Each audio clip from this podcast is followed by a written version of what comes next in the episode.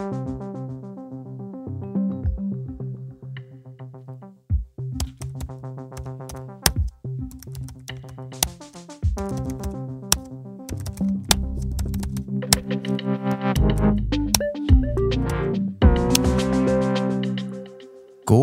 og velkommen til en...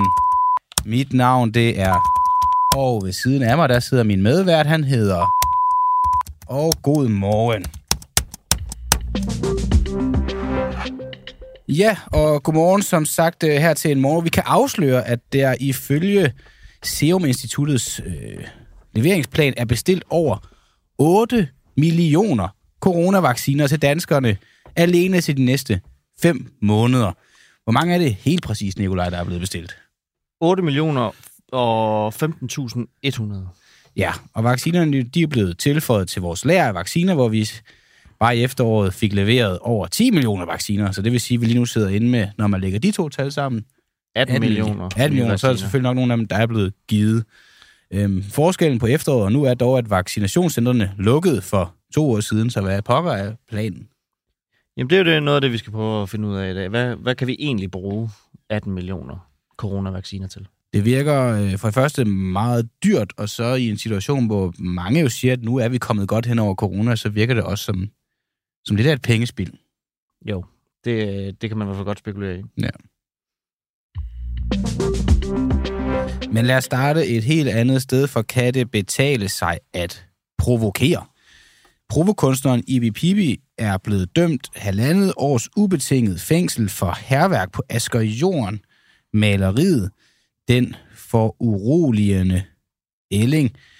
Det er et maleri, som Ibi Pibi valgte at modificere, og det har så resulteret i, i en dom på, på, på halvandet år, og så også en, en bøde på, på knap 1,9 millioner kroner, som skal betales i erstatning. Ibi Pibi, kunstner, godmorgen. Godmorgen.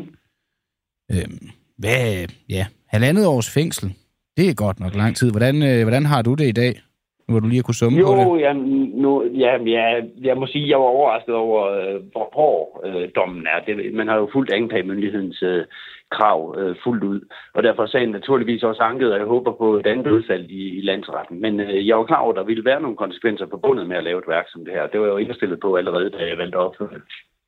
Du var klar over, at der ville være nogle konsekvenser. Nu er konsekvensen så halvandet års ubetinget fængsel. Det havde du, lyder det ikke til regnet med, vil være så groft. Nu hvor du så øh, sidder med i den realitet, har du så fortrudt, at du gjorde det? Nej, på, på ingen måde. Jeg mener, at værket det er jo vigtigt, og jeg mener, at værket det er væsentligt, og jeg mener på sin vis, at øh, det tilfører værket noget nyt, i og med, at det er jo meget sjældent, at øh, en kunstner i Danmark bliver, øh, bliver fængslet øh, for, at, for at udføre sin kunst. Så på den måde synes jeg, at det udbygger værket og giver værket en ekstra dimension. Jeg fortryder på ingen måde værket. Det udbygger værket, giver værket en, en ekstra dimension. Det vil sige, at værket, princippet lige nu stadig er, er i gang. Altså det, du gjorde, det var at modificere det her, øh, den foruroligende øh, ælling. Øh, du gik ind og, og, og begik, ja, hvad man kalder for herværk øh, på det. Men det lyder så til, at, at dommen også er en del af det værk, der, der, der opstår nu. Du har Jamen, otte... Det ender den. Undskyld. Undskyld. Jamen, det ender den jo med at blive. Øh, forstået på den måde, at øh, alt, hvad der sker omkring værket, smitter jo af på værket og bliver en del af værket. Og jeg anser ikke at værket for at være fuldt, øh, fuldt udført endnu. Jeg mangler stadigvæk et små ting. Du har en, en, en god håndfuld børn, øh, ja, som jeg kunne læse. Jeg har du har otte børn, som jeg kunne læse. Du kommer til at... Dem kommer du naturligvis til at savne, når du skal halvandet år ubetinget i fængsel. Ja.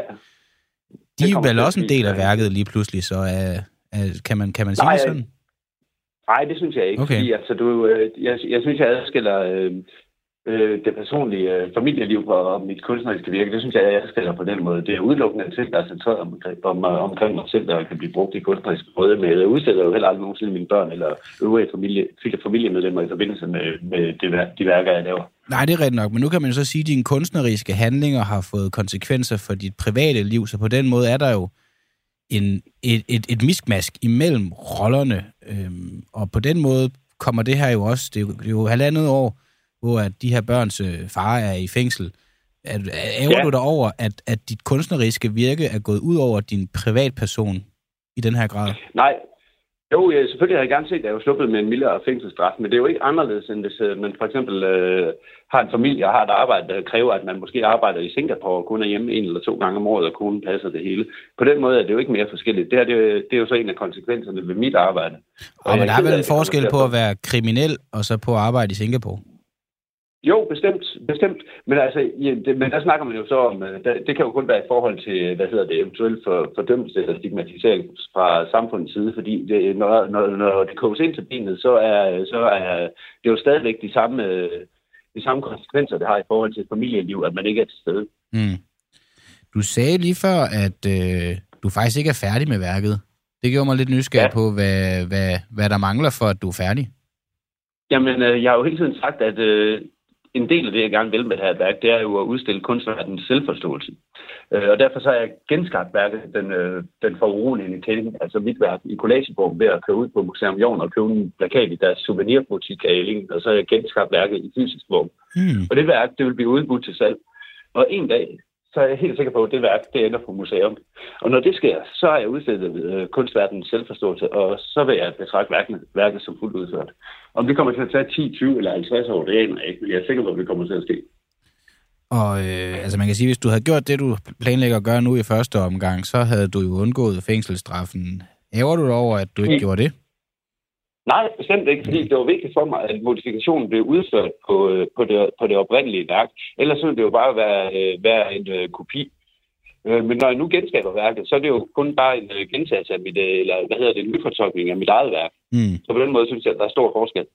Der er folk, der skriver ind, der er en, der hedder Kåre Hansen. Han skriver, Ibi Pibi gjorde værket kendt for alle danskere. Før var der en lille elite, der kendte værket. Jeg ved ikke, om man decideret kan kalde det, det for en fan, men det er i hvert fald en, der lyder til at bakke dig en, en, en smule op i, i, øh, i sådan øh, resultatet af det, dit værk har givet. Jeg ved i hvert fald, som man, om han anerkender, at det har gjort øh, Jorns værk øh, mere udbredt. Det ja. kan man jo også sige er, er nok i sig selv. Og nu er jeg så en, en, der hedder Solvej, der spørger, hvor i ligger det kunstneriske virke i herværk af en afdød kunstners værk? Jeg ved, du har besvaret det her spørgsmål før, men måske til Solvej, du har lyst til at besvare det. Jamen, det vil jeg godt. Altså, det gør det jo på den måde, at Jorn, han skamferede jo, øh, da han skabte sit værk på urolig nælding, der, der skamferede han jo en anden kunstners værk. Han havde købt værket, så han ejede værket, men han havde jo ikke tilladelse fra den tidligere kunstner til at ødelægge det. Og det er jo principielt det samme, der er sket den her gang, hvor jeg har fået øh, min uh, dobbeltmodifikation. Og så, så på den måde, så opstår der et kunstigt rum. Ja, præcis. Øhm, jeg ved, du er blevet, det, var, det her det var et spørgsmål, vi snakkede om. Det vil vi gerne stille dig. Øh, hvorvidt du skulle i mande- eller ja. kvindefængsel. Så kunne jeg så se, at TV2 Østjylland faktisk stillede dig spørgsmålet i går. Men øh, ja. bare til dem, der så ikke har læst det. Det er jo fordi, du, du juridisk set er en, en kvinde. Det har været i otte år. Ja, det er korrekt. Ja. Øhm, skal du i mande- eller kvindefængsel? Jeg vil anmode om at få lov til at afzone i et kvindefængsel, så frem jeg ender med at skulle øh, i fængsel. Ja. Øh, men øh, nu siger du, du, skal, du vil anmode om det. Det er fordi, at det ikke helt naturligt er, at man kommer i kvindefængsel, når man bliver dømt? Nej, man har muligheden for at ansøge om det. Okay. Og, øh, og derfor så vil jeg selvfølgelig benytte mig af den mulighed. Og hvad med de andre kvinder i, i, i det fængsel? Det vil jo kun være, være kvinder, og ja, der er jo trods dit juridiske kønsskifte stadigvæk personer, der betragter dig som, som en, en, en mand. Tror du, det vil kunne give dig problemer i kvindefængslet, at du har udseende, som hvad visse mennesker vil betragte som værende en mand? Altså, nu, nu føler jeg jo øh, nu føler jeg mig meget som kvinder. Jeg mener, at jeg er i rigtig god kontakt med min feminine mm. og det er også mit indtryk, at kvinder ofte er, er mere, jeg vil ikke sige overbærende, men i hvert fald nysgerrige og imødekommende. Og det jeg forventer også at møde den nysgerrighed og imødekommenhed, når jeg skal i fængsel. Alright. Bare lige her til sidst. Du har også fået en, en øh, altså du skal betale 1,9 millioner cirka i gæld. Ja. Hvordan øh, pokker ja. kommer du til at betale det? Ja, altså det kommer jo til over tid. Øh, første, første vil der blive gjort øh, udlæg i dine aktiver, og hvis du ikke har det resterende, så vil man jo gøre det på den måde, at du fremadrettet vil få, få øh, indbygget en ekstra trækprocent i, øh, i din skat, så du på den måde ender med at få, øh, mm. få trukket beløbet over tid. Så du kan jo ikke undslå dig. Du kommer til at betale den over tid. Okay, og hvor, hvor, hvor lang tid tror du, det tager dig for at få betalt den her bøde her? Om, øh, det skal jeg ikke spå om, men øh, jeg, skal, jeg skal nok få den hullet det er jeg sikker på. Du skal nok få den ud af verden.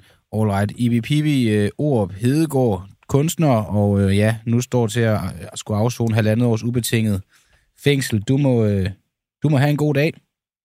Ja, tak i lige måde. Hej.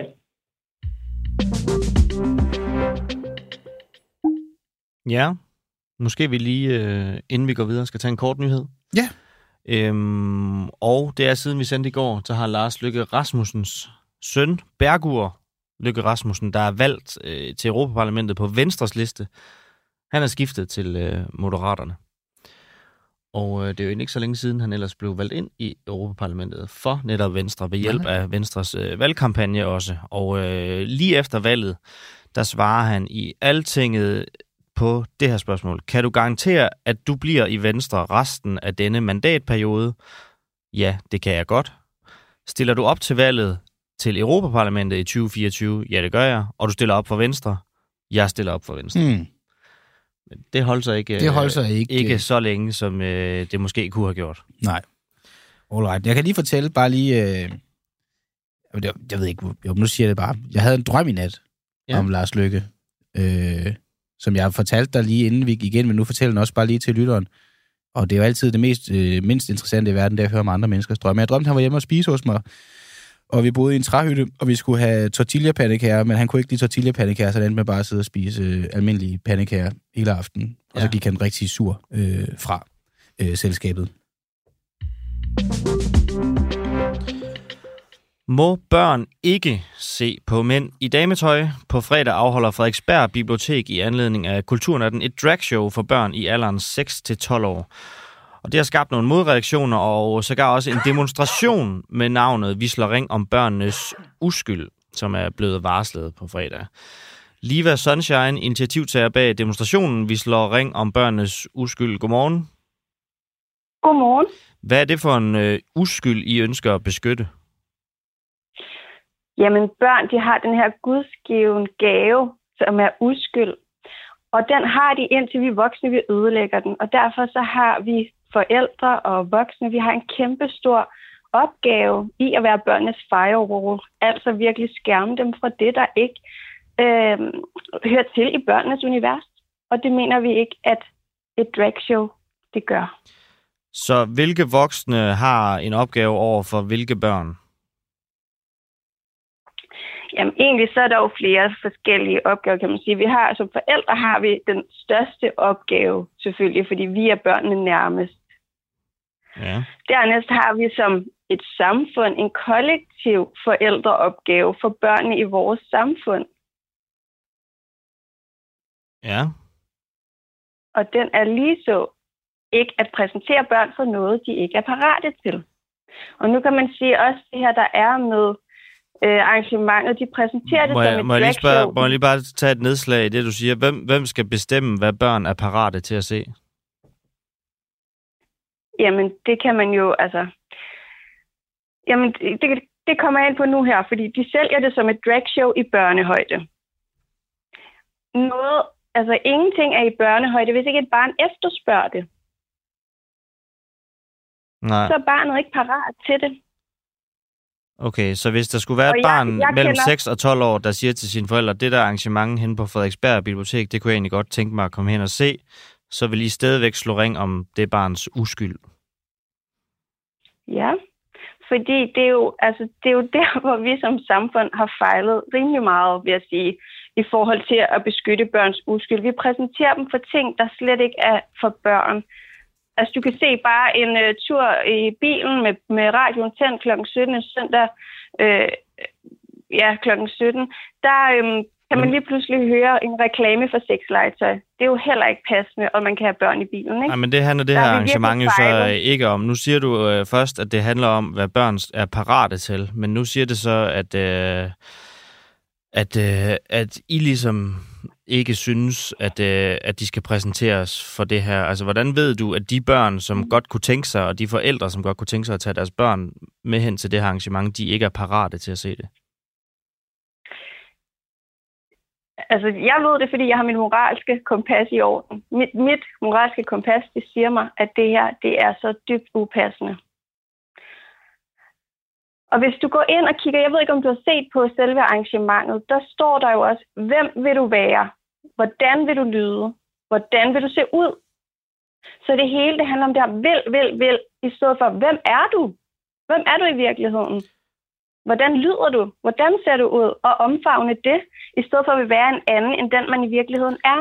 Men må jeg ikke spørge, altså i stedet for, at dit moralske kompas skal være styrende for dem, der godt kunne tænke sig at se det, kunne du så og, og dine eventuelle børn ikke bare lade være med at tage hen og se det?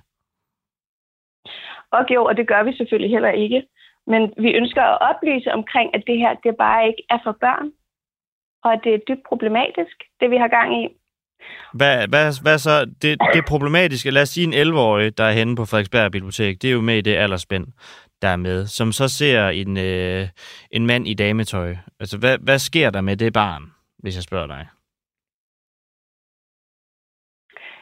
Øh, hvis du spørger mig, så sætter det en masse ting i gang, men der skal vi ind under et koncept, der hedder mirroring images og efterligningskraften.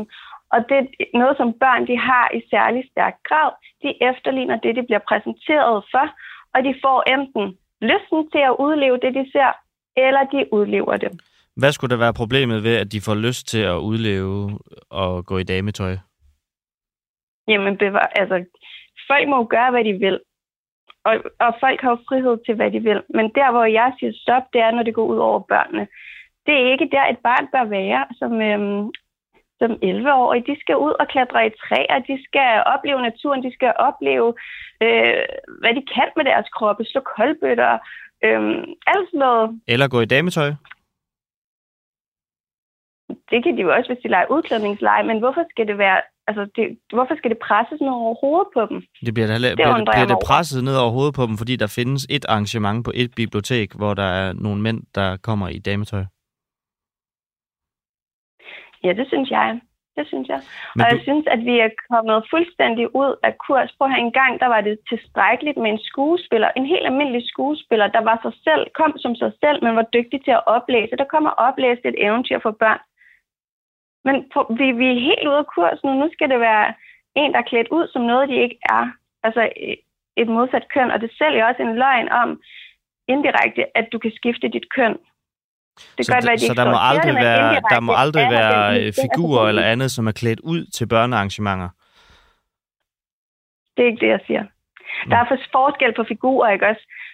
Der er stor forskel på figurer, men det her arrangement, det handler jo decideret om, det siger de jo også, at øh, de vil gerne vise, at man kan være øh, lige præcis den, man er. Men hvorfor præsenterer de ikke så en person, der er lige præcis den, de er? Hvorfor skal det være en person, der er klædt ud som en helt anden, og faktisk prøver lidt at løbe fra, hvem den er? Men det sjove er, at under det her interview, så siger du også, at det er vigtigt, at folk har øh, en frihed til at gøre, hvad de vil. Men det lyder bare mere som om, at de skal have frihed til at gøre, hvad du vil. Altså ikke at, at klæde sig i dametøj. Jamen igen, folk, folk må gøre, hvad de vil. Jeg har ikke noget imod, at øh, de her skuespillere klæder sig ud som damer. Det må de gøre, men jeg synes ikke, det er passende i børnehøjde. Og det vil jeg gerne gøre opmærksom på. Og igen, forældrene må også gøre, hvad de vil. Jeg skal ikke bestemme over, hvad forældre gør. Jeg oplyser bare om, at, at jeg synes, det er totalt upassende, og det er vi rigtig mange, der synes. Og derfor så laver vi også denne her. Vi slår ring om børns uskyld på fredag. Hvor gammel skal man så være, før man må se et dragshow? Det er jo individuelt. Altså, det er jo fuldstændig individuelt. Det kan du ikke spørge. Men I demonstrerer jo imod, at 6-12-årige skal se det. Ja da. Men hvad så, Fordi, hvis man er 13 eller 14 eller 15? Er der et tidspunkt, hvor I så siger, okay, når du er så gammel, så må du gerne, og så har du frihed til selv at bestemme? Nej, fordi prøv at have det så langt ude, det her med, at der er nogen, der skal sidde og bestemme øh, øh, aldre for, hvornår man skal det ene og det andet. Mennesker er forskellige, ikke også? Og man skal møde mennesker der, hvor de er. Det skal man også med børn, og børn er bare ikke i dragshow-verdenen, med mindre de voksne hiver det ned over dem. Men må jeg ikke spørge, fordi nu siger du, det er absurd at sidde og sætte tal på, øh, hvor gamle de skal være, men altså, det er vel lige præcis det, I demonstrerer mod, at de skal ikke være under 12 år? Nej, vi sætter fokus på, at det er fuldstændig absurd at præsentere et dragshow for børn. Altså et dragshow i børnehøjde er fuldstændig absurd. Det er ikke i børnehøjde. Man kan ikke lave et dragshow i børnehøjde, fordi det er ikke for børn. Hvis du scroller ind over de to skuespillers profiler, online profiler, så vil du se, at det er stærkt, stærkt seksualiserede karakterer, de har. Men hvis det ikke er for børn, er det så, når man er 18, at man må se dragshows? Du, du vil meget gerne have, at jeg sætter en alder på, kan jeg høre, men det kommer jeg altså ikke til. Okay. Det er individuelt. Men hvorfor så ikke bare det lade det være det individuelt, og så lade forældrene tage den, øh, den beslutning? Hvis ikke de vil øh, hen og se øh, det her show, hvor der er alle de her skadelige konsekvenser, som du, øh, som du nævner, så kan de jo lade deres børn blive hjemme. Jamen, det kan de helt sikkert, men altså, vores formål, det er også at så nogle frø, og ligesom få folk til at tænke lidt over, hvad det er, de slipper børnene med til. Okay. Jamen, øh, så vidt i hvert fald et par frø øh, sået Liva Sunshine, initiativtager bag øh, demonstrationen Vi slår ring om børnenes uskyld. Tusind tak, fordi du var med. Velbekomme. Ja, der tækket også lige... Øh, undskyld, der tækket også lige nogle lytterkommentarer ind. Der er blandt andet Jesper Jørgensen, der skriver, hvornår er det ok, at børn mister deres gudsgivende skyld? Skal den blive til de er 30? Det var også lidt det, øh, du prøvede at få hende til at svare på. Børn er, Kåre Hansen skriver, børn er koldblodige krigere, dræber maskiner, hvis de får mulighed for at udfolde sig. Okay, wow. Det skal John... ligge videre hjemme, øh, ja, hjem til, derhjemme. Ja, det skal det også. John Laue skriver, Gud, hvor har hun dog ret? Og Susanne Kjellerup, lad nu børn være børn. De kan tidsnok opleve, at verden er lave. Og så var der bare lige sidste, jeg gerne vil have med, det er Preben, Preben Nielsen, der skriver respekt for, at en mor fra Frederiksberg står op mod endnu et normbrudsforsøg på en offentlig institution. Er katastrofemeldingerne i de danske fængsler afblæst? Tirsdag i forrige uge, der sagde formanden for Fængselsforbundet Bo Yde Sørensen til TV2, vi kan jo ikke forestille os et samfund, hvor fængselsvæsenet er brudt sammen, og det er vi altså på randen af. Nu har øh, SVM-regeringen hen over midten sammen med SF, de konservative og Dansk Folkeparti vedtaget en flereårsaftale for Kriminalforsorgens økonomi, der har som erklæret mål at skabe fundamentet for genopretningen af Kriminalforsorgen. Og vi får at vide nu, at Bo Yde Sørensen ikke tager telefonen lige nu, øh, så er det svært at komme ind og, og svare på de her spørgsmål. Øh, men i den her aftale, der er der altså afsat 785 millioner kroner i 2023, øh, lige lidt over en milliard i 2024, og så knap 1,4 milliarder i 2025 til at øh, udbedre nogle af de her øh, udfordringer, som Bo Yde har talt vidt og bredt om de seneste par år i øh, fængselssystemet, hvor han blandt andet i 2020 har sagt, at problemet er blevet så stort, at det er næsten umuligt at forvente udviklingen, og til dato er det ikke lykkes at forvente det om. Han har også sagt i 2021, jeg vil betegne det her som en eksistentiel krise, så det er altså ikke bare, altså der bliver ligesom råbt op om øh, problemer mange steder, men det skulle altså være skridtet over. Bo Yde Sørensen, godmorgen. Godmorgen. Formand for Fængselsforbundet. Øh, er katastrofemeldingerne i de danske fængsler afblæst med den her nye aftale? Ej, det, det, det er nok lige at, at, at gå til yderligheder, og jeg, jeg har også noteret mig, at man kalder det for en ny aftale. Det er jo sådan set øh, egentlig mere en overholdelse af, af den oprindelige øh, flereårsaftale. Øh, men, men, men det er ikke sådan, den har aflyst krisen i Kriminalforsorgen. Det kan vi ikke sige. Så er du vel ikke øh, helt tilfreds med aftalen, eller hvordan skal det forstås? Jo, det, det, ja, ah, det, er måske, det, det er måske en forkert måde at stille spørgsmål på. Øh, nu skal jeg jo ikke bestille, hvordan du stiller, eller bestemme, hvordan du stiller spørgsmål, men jeg kan i hvert fald sige, at, at jeg er øh, helt overordnet tilfreds med flereårsaftalen. Det var en super god aftale. Desværre var det ikke nok til at få aflyst krisen i kriminalforsorgen, som vi kender den. Men det er jo ikke ens betydende med, at aftalen var dårlig, for det, hvis ikke vi havde fået den her aftale her, inklusive nu øh, den sidste øh, kvart milliard næsten, så, så havde vi været, øh, altså så havde situationen været endnu værre, end, end, end den er i øjeblikket. Men vi må konstatere, at der skal endnu mere til for at få løst øh, krisen i kriminalforsorgen. Så det er bedre end ingenting, øh, som jeg hørte, men det er ikke helt nok til at, at vende udviklingen. Et andet spørgsmål, jeg godt kunne tænke mig, for nu nævner du kriminalforsorgen. Altså penge alene, er det nok til at vende den udvikling, du har råbt op om? Jamen, det er jo et godt spørgsmål. Øh, som, som fagforening, så peger man jo altid på, på flere penge, og det er jo øh, penge løser mange problemer. Men, men, men vi må jo også sige, her har vi en, en krise, hvor øh, folk simpelthen ikke længere har lyst til at arbejde i kriminalforsorgen. Altså vores øh, ældre kollegaer, de vælger at tage deres gode tøj og gå. Men, men, men, men vi kan heller ikke rekruttere øh, nye fængsel til det omfang, vi har behov for. Og, og, og, og penge til, til løn er bestemt en af de øh, medvirkende faktorer her. Men vi må også være ærlige og sige, at det er ikke den eneste. Der er også et stort hjemmearbejde, som Kriminalforsorgen skal have gjort. Og det her er jo ikke noget, som man selv står og hitter på for Kriminalforsorgen. ved faktisk godt, hvad det her det er, fordi man lavede nemlig det, man kalder afgangsanalysen i 2019, hvor man simpelthen undersøgte, hvorfor stopper folk i Kriminalforsorgen. Og der var løn et af problemerne, men, men arbejdsmiljøet, øh, manglende indhold i jobbet, øh, manglende øh, samspil mellem familieliv og, og arbejdsliv og, og en lang række andre faktorer var også afgørende faktorer for, at, øh, at vores ældre kollegaer de valgte at tage deres skotøj og gå. Så det er ikke alene penge, men det er også penge. Men så det politikerne de kan, det er vel at, at prioritere de penge, der skal til. Så de har ligesom gjort deres, det er rigtigt forstået, og så det sidste, der mangler for udviklingen bliver vendt, det er Kriminalforsorgen.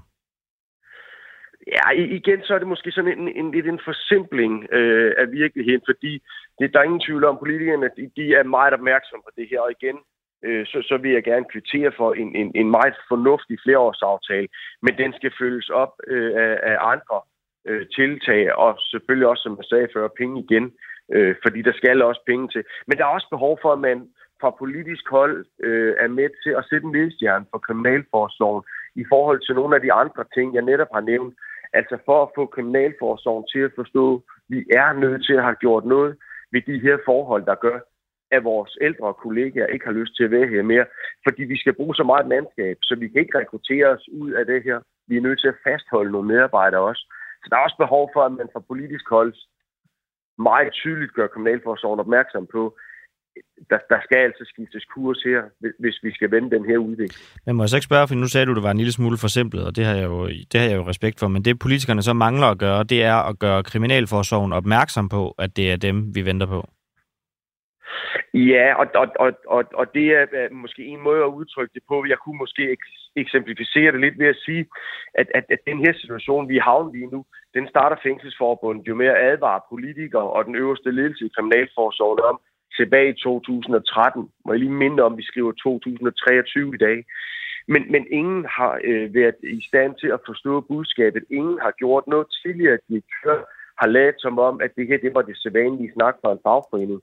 Og igen, politikere, skiftende regeringer, har fuldstændig været ude af stand til at forstå budskabet. Og nu står vi i den situation, vi står i. Og der er det, jeg siger. Det bliver man som politiker, som ansvarshævende politiker, som regering og minister jo nødt til at forstå. Det kan ikke nytte noget, at man bare sætter sig og lukker øjnene og kigger på en map med glansbilleder i.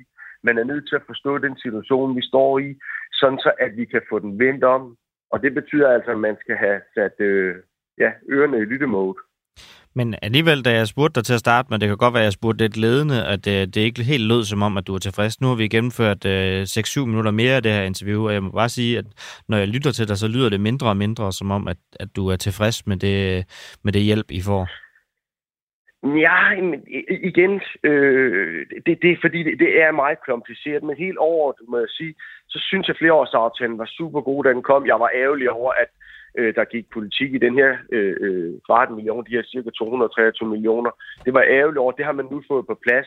Det er super fint. Det jeg, det, jeg forsøger på at sige, det er bare i næste sætning, så skal der mere til, fordi nu er vi jo et par år inde i flereårsaftalen, og vi må konstatere, at personalsituationen ser endnu værre ud i dag, end den gjorde tidligere. Derfor så, så skal vi sørge for at holde vores ansvarshavende politikere ind i lupe på super god flereårsaftale. Hvad er næste skridt? Okay, Bo Yde Sørensen, formand for Fængselsforbundet. Tusind tak, fordi at du er med. Selv tak.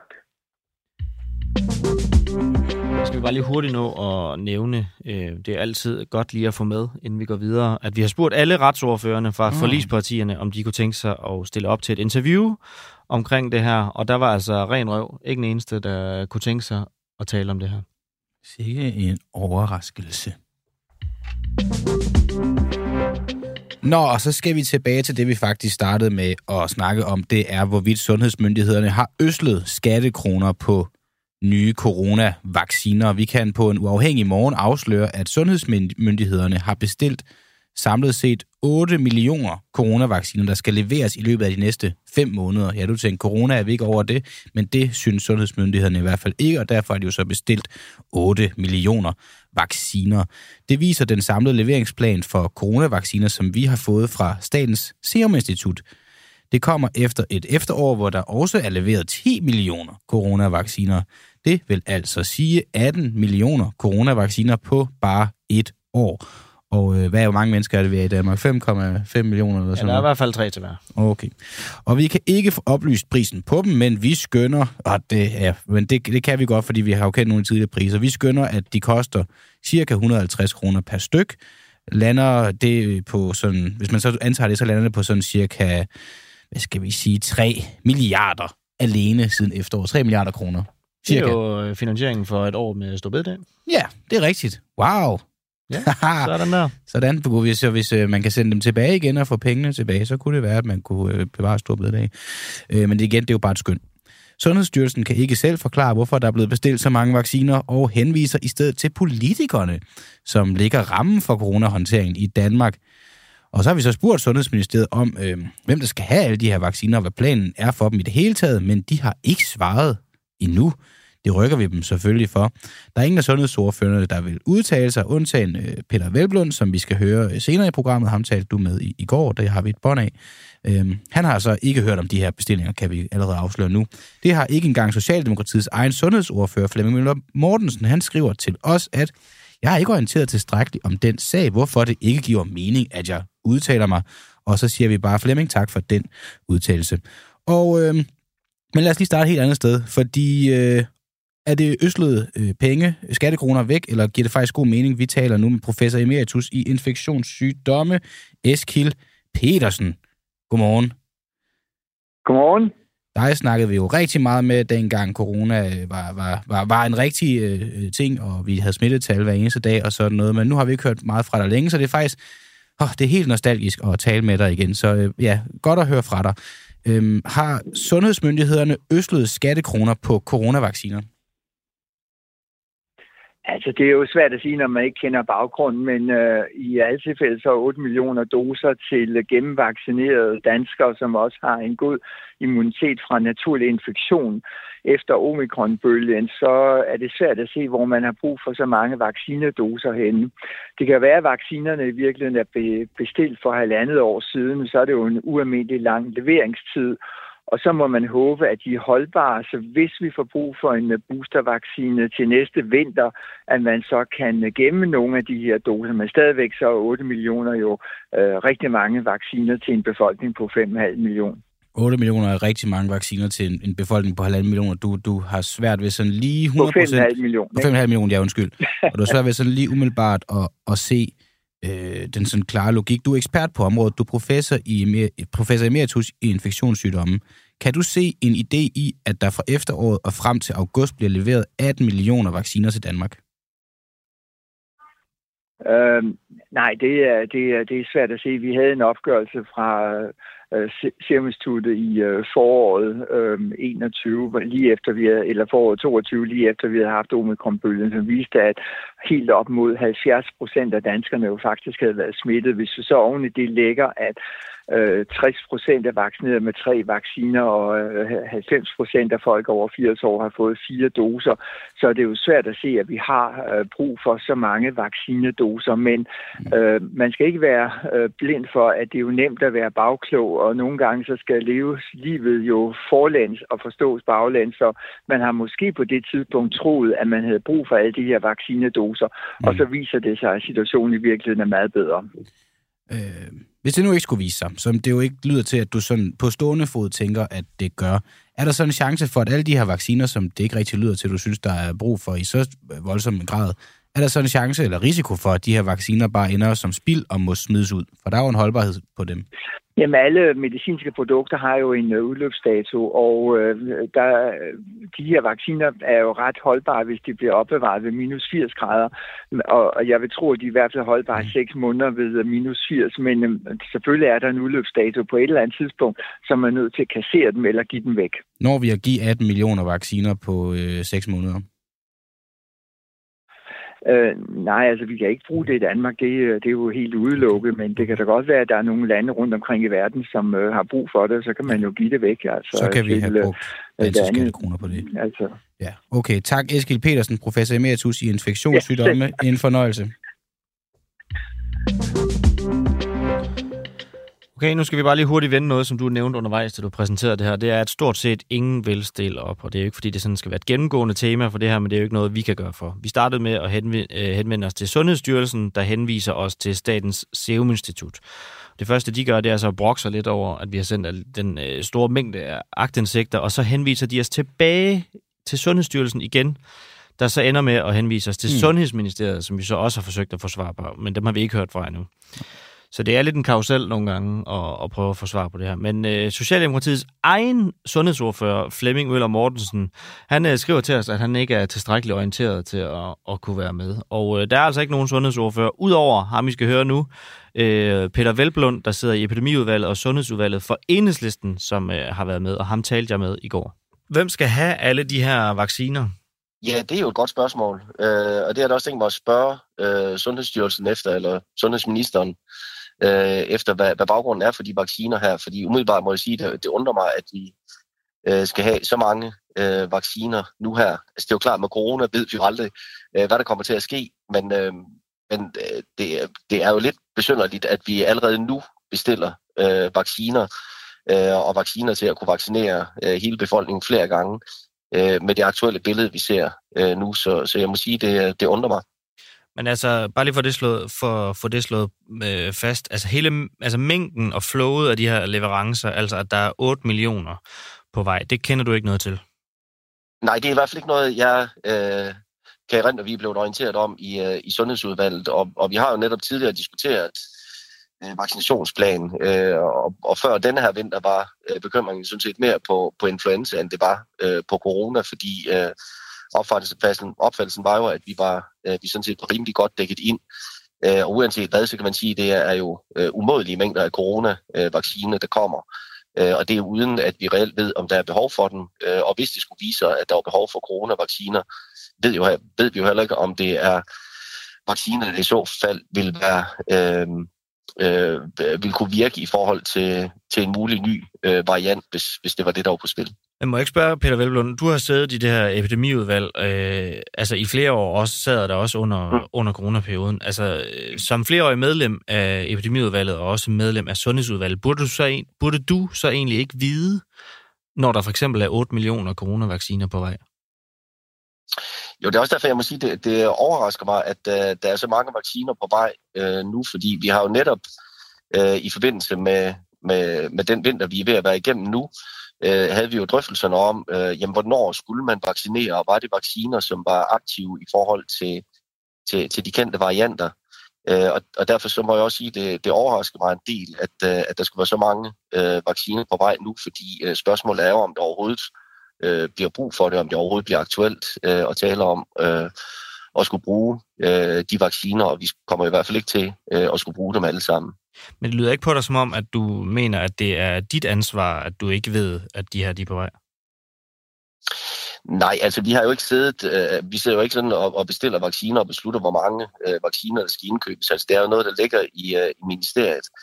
Øh, så det er jo ikke noget, øh, vi træffer beslutning om. Øh, øh hvad det, hvor mange vacciner, øh, der skal bestilles og hvornår. Øh, altså, det er jo en opgave, der ligger i ministeriet. Øh, men, men derfor må jeg sige, det, det undrer mig også, at, øh, at prioriteringen har været sådan, at man, øh, at man øh, åbenbart har indgået kontrakter, hvor man har forpligtet sig til at, at aftage øh, så mange vacciner på nuværende tidspunkt. Okay, så det er Sundhedsministeriet, vi skal kigge bebrejdende på, øh, når vi undrer os lidt over, hvad i alverden vi skal bruge de her 8 millioner vacciner til. Ja, det er jo dem, der har indgået aftaler omkring øh, leverance af vacciner, og det, det her det tyder på, at der er blevet indgået en, en kontrakt, hvor vi forpligter os til at aftale dem, øh, uanset om der er behov for dem eller ej. Mm. Øh, og det kan man sige, det er i hvert fald en, en lukrativ øh, aftale for, for vaccineproducenterne, øh, at, vi, øh, at vi køber en, et, et, øh, et produkt, som, øh, som det kan være meget tvivlsomt, om vi får brug for, i hvert fald i mængder, som, som det er temmelig usandsynligt, at vi får, vi får brug for.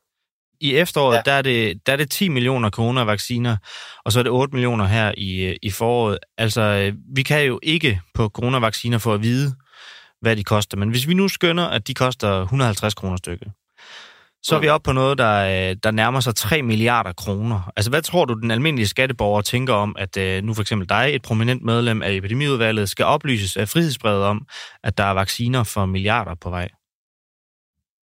Ja, der, vi kan jo i hvert fald konstatere, at der formentlig er nogle, øh, nogle aktionærer i, øh, øh, hos, øh, hos vaccineproducenterne, som, som glider sig i hænderne øh, over, at de nu kan sælge øh, et produkt, som, øh, som der, der til ikke er, er behov for.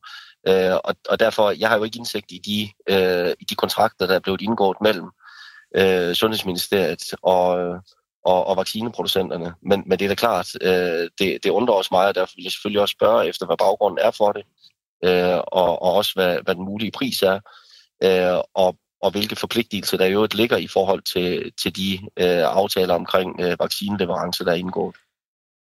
Kan du forstå, hvis de er bekymrede for, om I har styr på økonomien omkring alle de her millioner af vacciner? Jamen, men, men det er jo noget, der ligger i, øh, i regeringsregi. Altså, det er jo ikke noget, vi sidder... Øh, vi sidder jo ikke og indgår kontakter i, øh, i, øh, i sundhedsudvalget. Det er, det er jo et spørgsmål, der bliver, bliver afklaret i ministeriet øh, sammen med, med Sundhedsstyrelsen. Øh, og, og derfor er det da klart, at, at det her, det er der en, øh, en udgift, som øh, man i hvert fald øh, godt kunne, kunne, øh, kunne antage, at den kunne skatteyderne spares for, øh, og, en, øh, og en fortjeneste, som, øh, som vaccineproducenterne øh, i hvert fald ikke skulle have haft. Okay. Og så helt, øh, hvad skal man sige, konkret her til sidst, altså der er 8 millioner vacciner på vej. Er det i sig selv, er det et problem, at der er så, altså vi er jo 5,7 millioner mennesker i Danmark, der er 8 millioner vacciner på vej. Altså det høje tal i sig selv, er det et problem? Ja, altså det er det jo, fordi øh, det er jo i hvert fald øh, udtryk for en, øh, en, en uheldig praksis, hvis det er sådan, man blot har købt ind i blinde. Altså i starten havde vi også store problemer med, at vi indkøbte øh, store mængder af vacciner, som betød, at øh, de dele af verden, altså lavindkomstlande, havde svært ved at få adgang til vacciner.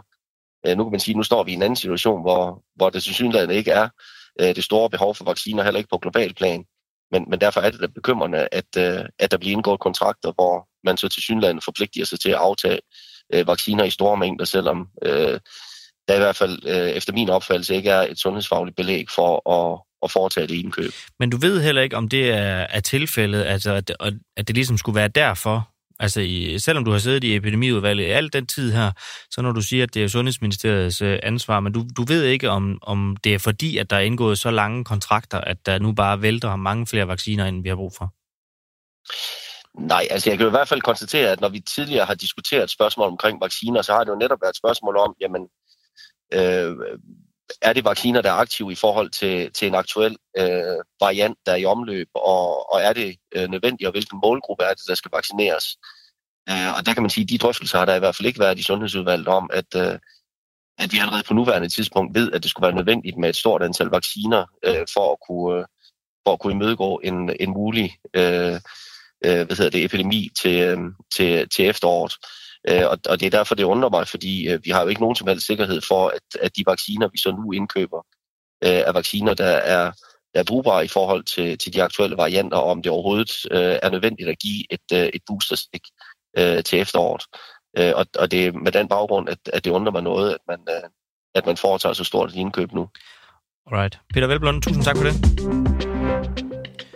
Ja, det fortsætter altså i et politisk spor, hvor enhedslisten nu vil have svar fra ministeren på, hvad delen der er op og ned i den her sag. Det er måske en meget god idé, når selv øh, ordføreren for Socialdemokratiet selv ikke er orienteret godt nok til at kunne udtale sig om, hvad vi skal bruge 8 millioner nye coronavacciner oven i de 10 millioner, vi øh, næsten lige har fået øh, leveret til. Jes Søgaard, professor i sundhedsøkonomi ved SDU. Godmorgen. Godmorgen. Hvad er dit bedste bud på, hvorfor der er så mange øh, coronavacciner på vej til Danmark? Det er, det er en langtidskontrakt. Altså, øh, jeg tror ikke, der er nogen i hverken Statens Serum Institut eller Lægemiddelstyrelsen eller andre steder, der vi købe 8 millioner øh, doser lige nu. Øh, fordi altså, Søren Brostrøm har jo meldt ud, at han ikke ser noget øh, stort behov. Så øh, det her, det må være en langtidskontrakt, altså en kontrakt, der blev tegnet allerede for altså måske 2021, eller i hvert fald i begyndelsen af 2022 som man så hænger på nu. Øhm, og øh, altså de her kæmpe store lægemiddelfirmaer, de er ikke sådan at sker med. Ja, og det, det peger os jo lidt tilbage til det aller, aller første spørgsmål, vi stillede, da vi fortalte den her historie. Det er, har sundhedsmyndighederne øslet skattekronerne på de her coronavacciner? Altså, det vil jeg ikke sige. Altså, det var jo øh, vaccinationerne, der redde os ud af den her pandemi. Øh, altså, i Danmark og worldwide. Øh, og især øh, med hensyn til øh, at få nedsat sygeligheden af, af smitte. Øh, så altså, det mener jeg ikke, men, men altså, øh, vi var presset på, da, da der skulle indgås kontrakter. Altså, der, der stod jo mange lande, der gerne ville købe rigtig mange Mm. Øh, hvis Men det nye går... her, altså 18 millioner siden efteråret, altså er det øssel med skattekroner? Jamen det er det set retrospektivt. Altså så er det øsel, fordi vi får nok ikke rigtig brug for dem. Øh, men, øh, men altså, vi, altså, den eneste forklaring, jeg kan se, der er sådan nogenlunde rationel, det er, at, øh, at, at det er en kontrakt, man har været mere eller mindre bundet til at indgå for et par år siden for overhovedet at få leverancer og komme frem i køen i leverancerne. Så dit bud er, at for at få kontrakterne i første omgang under coronaepidemien, da det var allerhøjst, så har man været nødt til at acceptere, at der fortsat med at komme rigtig, rigtig store doser af coronavacciner. Ja. Øhm, Altså, Men på øh, andre, det... områder, på andre områder er pengene løst. Altså, det må man, øh, det må man øh, indrømme. Jamen, det er jo så det næste, fordi at, altså, har du på andre... Nu er du professor i sundhedsøkonomi. Altså, har du nogensinde oplevet, at pengene hænger så løst, som de, som de har gjort her under coronapandemien? Ikke i sundhedsvæsenet. Det har jeg faktisk ikke. Altså, faktisk så... Det danske sundhedsvæsen, det er nok som verdenskendt for at være ret stram i økonomistyringen, og det har vi været i årtier. Og det ændrede sig altså under coronakrisen, øh, og det var, det var eksplicit et pres fra Christiansborg, fra både regeringen, men jo egentlig også opposition. Øh, kasserne stod åbne. Øh, der blev brugt mange milliarder på indkøb af værnemidler i, øh, i foråret 2020. Og det var jo, det var jo en, en panikreaktion på, at vi, vi nok havde for få, da, da pandemien kom til Danmark i, øh, i februar-marts 2020. Men altså, vi købte jo øh, så nærmest panikagtigt ind for i hvert fald 6 milliarder i 2020. De er jo ved at blive skrottet nu. Øh, vi brugte rigtig, rigtig mange penge på øh, tests i øh, 2021 og ind i 2022 lidt også, men øh, primært i i anden halvdel af 2020 og 2021 øh, at vi, øh, altså sammen med Østrig, øh, testede vi jo flerfold øh, mere end i andre lande. Altså i Danmark testede vi faktisk øh, 10 gange hyppigere per indbygger i forhold til Norge. Og øh, det var jo selvfølgelig for at kunne følge øh, pandemien og for at befolkningen ligesom kunne vide, hvordan de skulle øh, gebærde sig, hvis de var smittet, eller hvis der var risiko for, at de var smittet osv. Men altså 10 gange hyppigere øh, test øh, var nok lige overkanten, og det har kostet de størrelsesorden 10-14 milliarder kroner. Ja, nu nævnte du de her øh, værnemidler også. Altså, den øh, historie, du taler om, hvor de er blevet for gamle, det er altså 9.300 paller med mundbind, visir, handsker og håndsprit, som, øh, som Region Hovedstaden øh, købte ind under epidemien, som nu skal, nu skal smides ud. Altså, øh, hvad ender det med med de her 18 millioner nye coronavacciner, som vi har modtaget øh, siden efteråret? Altså, ender vi med at smide dem ud også? Ja, det kan jeg frygte.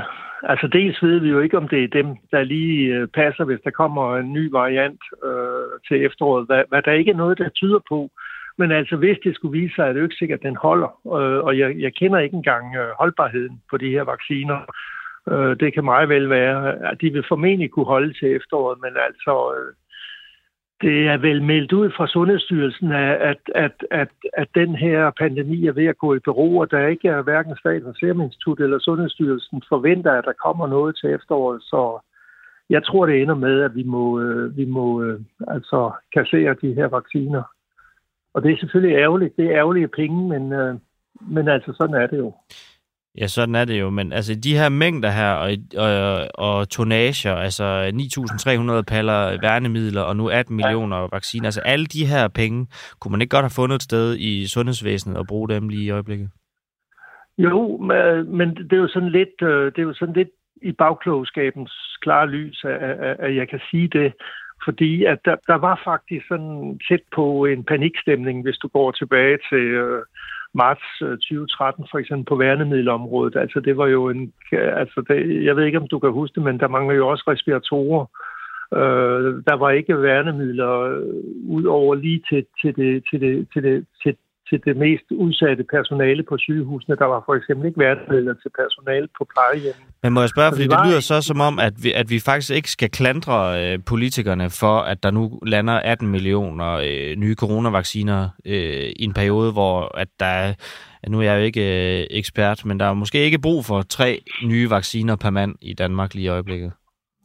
Det er jeg ret sikker på, at der ikke er det. Men det lyder ikke som om, at vi så skal, egentlig skal bebrejde politikerne alligevel. Altså, jeg synes godt, at vi kan nu, øh, når, når vi evaluerer alt det her, skal lære til, til den næste pandemi, kan vi godt øh, gå ind og kigge på, sad pengene forløst på nogle områder. Lige med hensyn til de her 10 millioner, og så nu 8 millioner ekstra doser, Altså, der, der ved jeg det ikke, fordi hvis, hvis det nu var en betingelse for overhovedet at kunne få leverancer i, i begyndelsen af 2021, så er vi vel egentlig glade for det, fordi det var vaccinerne, der, der redde os ud af den her pandemi. Men er det så og ikke øh, ja, af medicinalfirmaerne, ja. er det så dem, der ligesom skal, skal anklages for at bundefange Danmark en lille smule? Altså medicinalfirmaerne, altså for det første skal vi takke dem for så hurtigt at, at få udviklet den her vaccine. Og for den anden, altså så er vi jo nødt til at anerkende, at, at det er en forretning. Altså de skal tjene penge. Og, og de vidste jo godt, da de øh, i, øh, for, for, for, for to-tre år siden stod og skulle sætte et meget, meget stort produktionsapparat op, at, at, at, at der var en udløbsdato for salg af de her. Og derfor var de jo interesserede i at få salg, få solgt så store mængder som muligt øh, Øh, fordi det er sådan nogle øh, altså investeringsomkostninger, der skal tjenes ind. Så altså, de, har været, de har været interesseret i at få lavet de her langsigtede kontrakter.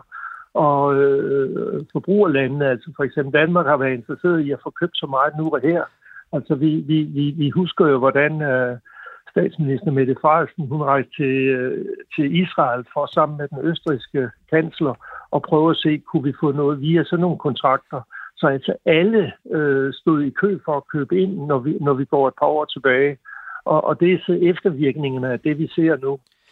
Jes Søgaard, professor i sundhedsøkonomi ved SDU. Tusind tak, fordi du stod op og ville tale med os her til morgen. Velbekomme, og jeg var stået op. Hej. Jeg var stået op. Ja, det skulle ikke hedde sig, at, øh, at Jes havde stået sent op, så, sådan Nej. normalt. Nej. Nå, vi skal, vi, skal, vi skal altså lige snakke lidt om smør.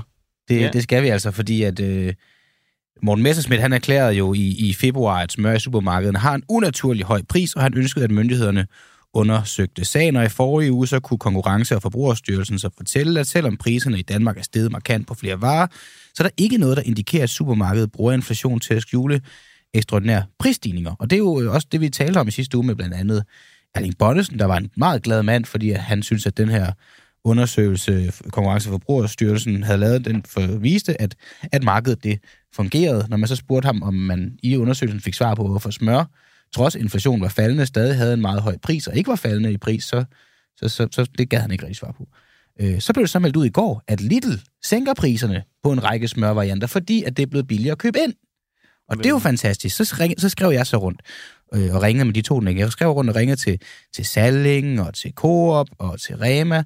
Rema vil ikke fortælle noget om, om de også sætter priserne ned på smør, så det gør de nok ikke, fordi ellers vil man jo bare sige det. Coop, de kunne fortælle, at de vil gøre det øh, inden alt for længe, men de kunne ikke endnu genkende, at priserne er blevet sat ned og købt ind øh, for, og, og Salling, de, de, de vil heller ikke overhovedet øh, svare på noget som helst.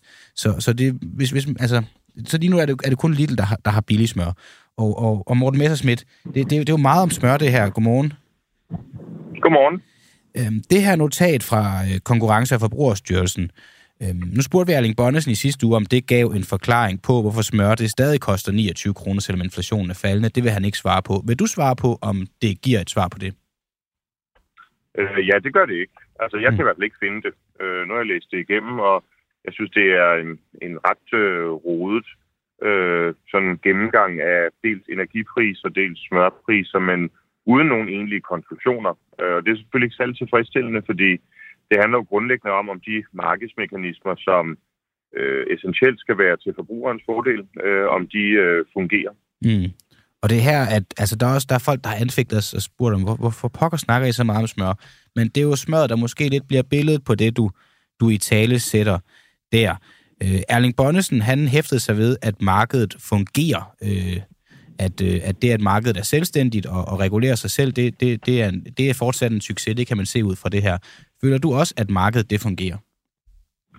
Og der ville det være fint, hvis Erling Bonnesen han kunne pege på, hvor det står i det her notat, fordi jeg kan godt nok ikke se det. Mm. Øh, og øh, det er jo rigtigt, som du siger, at det her det handler om smør, men handler egentlig ikke om smør. Altså mm. i den forstand, at smøret er blevet symbolet på, om der er nogle øh, markedsmæssige forhold øh, inden for landbrugssektoren i Danmark, som gør, øh, at man er hævet over de almindelige regler for prisdannelse, øh, altså først og fremmest udbud efterspørgsel. Øh, fordi vi kan jo se, at prisen på smør i andre lande øh, falder øh, drastisk, ja. øh, og smørprodukter, øh, men at det samme ikke øh, gør sig gældende i Danmark. Og der er det jo nærliggende at tro, øh, at det er nogle af de forhold, som vi normalt er meget bekymrede for inden for konkurrencereglerne, øh, som, øh, som øh, gør sig gældende. Altså, øh, det kan være en monopollignende tilstand, Øhm, øh, det kan være en misbrug af en dominerende stilling eller andet, øh, som gør, at øh, de ting, som burde føre til faldende øh, smørpris i Danmark, ikke, øh, ikke øh, reagerer på markedet. Øh, og når det er tilfældet, jamen, så er det klart, øh, at så skal vi tage det med meget stor alvor. Fordi hvis de øh, mekanismer ikke virker på det her produkt, jamen, så kan det sagtens springe over til, til andre produkter, som så vil være til skade for forbrugerne. Mm hvis, øh, altså, har du, altså, du, du råbte jo op i sin tid i februar, at, at smør har en unaturlig høj pris, og du vil have, at myndighederne kom med en forklaring, eller i hvert fald undersøgt sagen. Har du gjort ja. andet selv for at finde ud af, siden den 23. februar, hvor du sagde det her til Berlingske, at du ønskede en undersøgelse, har du gjort så andet for at finde ud af, hvorfor smør er så dyrt? Nej, altså, jeg har jo ikke øh, mulighed for at foretage en markedsanalyse. Mm. Det er jo der, hvor vi har øh, øh, konkurrencemyndighederne, øh, som så har lavet også det her øh, dokument, som ja. så ikke siger ret meget. Øh, og derfor må okay. vi jo, øh, synes jeg, øh, gå videre. Ja, så jeg har bedt min kollega Anders Vistisen om også at tage det op i Europakommissionen, mm. fordi konkurrencepolitikken jo hører under øh, EU-kompetencerne, og det er man så der også ved at undersøge. Det tager det lidt længere tid at forsvare, end det gør i, øh, i Danmark. Ja, det er klart, øhm, det er et større apparat. Skal der så en ny undersøgelse til? Øh, ja, altså jeg kan ikke forstå, at man tager så nonchalant på det her, fordi okay. øh, altså, man, kan, man kan sagtens sige, at uh, smør er et produkt, man bare kan fravælge, og så kan man mm. i olie og sådan nogle ting og gøre sig mundt over det. Men jeg synes, det er ret væsentligt, at, øh, at altså, de grundprincipper, der gælder for, for prisdannelsen på markedet, øh, at vi forstår dem, og vi øh, er opmærksom, hvis, øh, hvis der sker de her ubalancer. Øhm, fordi hvis vi accepterer det et sted, jamen så kan det sagtens sprede sig til andre, måske landbrugsprodukter eller mm. industriprodukter osv. Øhm, og derfor synes jeg stadigvæk, vi har brug for at få en forklaring på, ja. hvordan det kan være, at smørprisen falder i andre lande, så sent som i, øh, ja, for, ja, for et par dage siden fik jeg en henvendelse fra en dansker, der var i Østrig, og kunne se, at prisen der på dansk produceret smør var markant lavere, end den er i Danmark. Præcis. Og det synes jeg, vi skal have et, et svar på. Den har vi også øh, fået fra, fra, fra flere lyttere, sådan en henvendelse. Hvis nu vi så laver den her nye undersøgelse, og den så, så viser sig, at noget fordæks øh, finder sted, der er nogen, der sidder og spinder guld et eller andet sted på, på der gemmer sig bag inflationen. Øhm, hvad skal der så ske? Hvad gør du så? Hvad er konsekvensen? Ja, så skal de jo sanktioneres. Altså, Men det er det ikke et frit marked? Øh, Nej. Hvor et marked Nej, det er det. Øh, altså, vi har noget, der hedder konkurrencereglerne. Mm. Øh, og du må ikke lave øh, aftaler, altså prisaftaler, øh, om at holde prisen kunstigt oppe øh, mellem producenter for eksempel. Det er det, man kalder karteldannelser. Det må man ikke. Øh, og du må heller ikke, hvis nu det viser sig, at det er en primær producent, som sidder på en meget stor del af, af markedet, øh, for eksempel Arla, øh, så må de heller ikke udnytte, at der ikke er konkurrenter, øh, som er i stand til at konkurrere prisen ned. Øh, der har man øh, inden for EU-retten nogle konkurrencemæssige øh, øh, principper og værktøjer, hvor man kan måle, om en producents vare øh, er så dominerende på markedet, at den reelle prisdannelsesmekanisme er sat ud af kraft.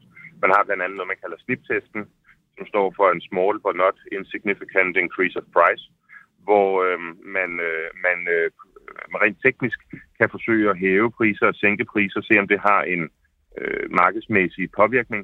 Og hvis ikke det er tilfældet, jamen, så har man en dominans øh, på markedet af en aktør, øh, og det påvirker så øh, prisen, eller rettere, det gør, at prisen ikke kan rette sig efter udbud efterspørgsel, og så er der et behov for, at der bliver grebet ind fra myndighedernes side. Mm. Men Morten Messersmith, fordi nu siger du, at øh, der skal en ny undersøgelse til. Vi har lige brugt syv måneder siden øh, Simon Koldrup han stillede sig frem på scenen og sagde, at nu skal vi have det her undersøgt øh, til bunds. Vi havde øh, Henning Otte, som er ekspert på det her område, igennem øh, i sidste uge. Han sagde, at hvis man skal undersøge det her reelt til bunds, altså for enkelt enkeltvarer, så vil det være enormt omfattende. Og det, jeg kommer til at tænke på, det er, altså når I nu går ud og kræver undersøgelser af alle mulige øh, mærkesager, er der så ikke en risiko for, at I, I reelt set ender med at spilde øh, borgernes skattekroner på at markere jer? Jo, men jeg synes også, det er utroligt, øh, at øh, den her regering kan få alting til at virke enormt dyrt. Altså, der er jo ikke så mange øh, mælkeproducenter og smørproducenter i Danmark, og de er stort set alle sammen forenet i den samme forening, og den ligger på Akselborg. Altså, så det er jo ikke sværere, end at man tager telefonen eller sender en mail. Hvad koster sådan en undersøgelse? Jamen, det ved jeg ikke. Det er jo, det er jo noget, en kulturfuldmægtig kan foretage på et par dage. Når du siger, at det ikke er, øh, det ikke er så dyrt, som regeringen siger, så tænker jeg, så må du vel vide, hvad, hvad det koster. Det har jeg ingen idé om. Men det er ikke Hvordan kan du så sige, at det ikke er så dyrt, som regeringen siger? Det er fordi, det, jeg fortæller dig, at det, der skal gøres, det er, at man kontakter Akselborg og siger, prøv at høre, hvordan er prisdannelsen på smør i Danmark? Hvordan kan det være, at jeres produkter de sælges billigere i for eksempel Østrig og Holland og andre steder? Og så må de jo komme med en redegørelse. Altså, øh, regeringen har sådan en eller anden tilgang til det om, at så skal man sende en hel masse embedsmænd rundt og lave en hel masse pristjek i en hel masse supermarkeder osv. Man kunne jo bare gå til producenten. Men hvis det er så nemt, altså, Morten, hvorfor har du så ikke bare selv gjort det? Du siger selv, du har ikke gjort yderligere siden den 23. februar, men nu siger du så, nu kan jeg så høre, du lige når sige, at det kan også være, at du gør det, men det kunne du have, det kunne du have gjort for længst. Jamen, nu, nu er det, jo ikke, det, det er jo ikke mig, der har udøvende magt i det her land. Ah, du sidder i Folketinget. Jeg ved, jeg ved godt, at du ikke ja. på den måde... Nej, du er ikke en udøvende magt, men du er en lovgivende magt, og du sidder inde i, i, i vores Folketing og varetager vores, vores land. Du kunne vel godt, hvis, hvis du vil være dit ansvar yberbevidst, lad os så sige det sådan, så kunne du jo godt gøre det her. Altså, du, du må simpelthen nødt til at læse op på din grundlov. Altså, det er, ikke, det er ikke Folketingets opgave at sikre, at konkurrencemyndighederne udfører deres opgave. Det er altså regeringens. Ja. Men det er, også bare... Et det er med på. Det er med på. Det gør det. Men der er jo ikke nogen, der forhindrer dig i at lave en... Øh, altså at gøre det alligevel, også for at måske udstille regeringens mangel på samme. Nej, men det kan også sagtens være, at kontakter af landbrug og fødevare. Mm. Altså, det, det kan det sagtens være. Men det er jo ikke det, der er sagens kerne. Okay. Jamen, øhm, Morten Messersmith, formand for Dansk Folkeparti, tusind tak, fordi du var med. Så lad os lige snakkes ved, Jamen, når du har hørt fra Landbrug og Fødevare. Ja, I kan jo også bare ringe dem. Altså, I øh, er jo så del, meget del af en kontrollerende myndighed. Vi kan gøre det sammen, Morten. Jamen, det er fint. Vi sidder bare bare CC. Det er godt.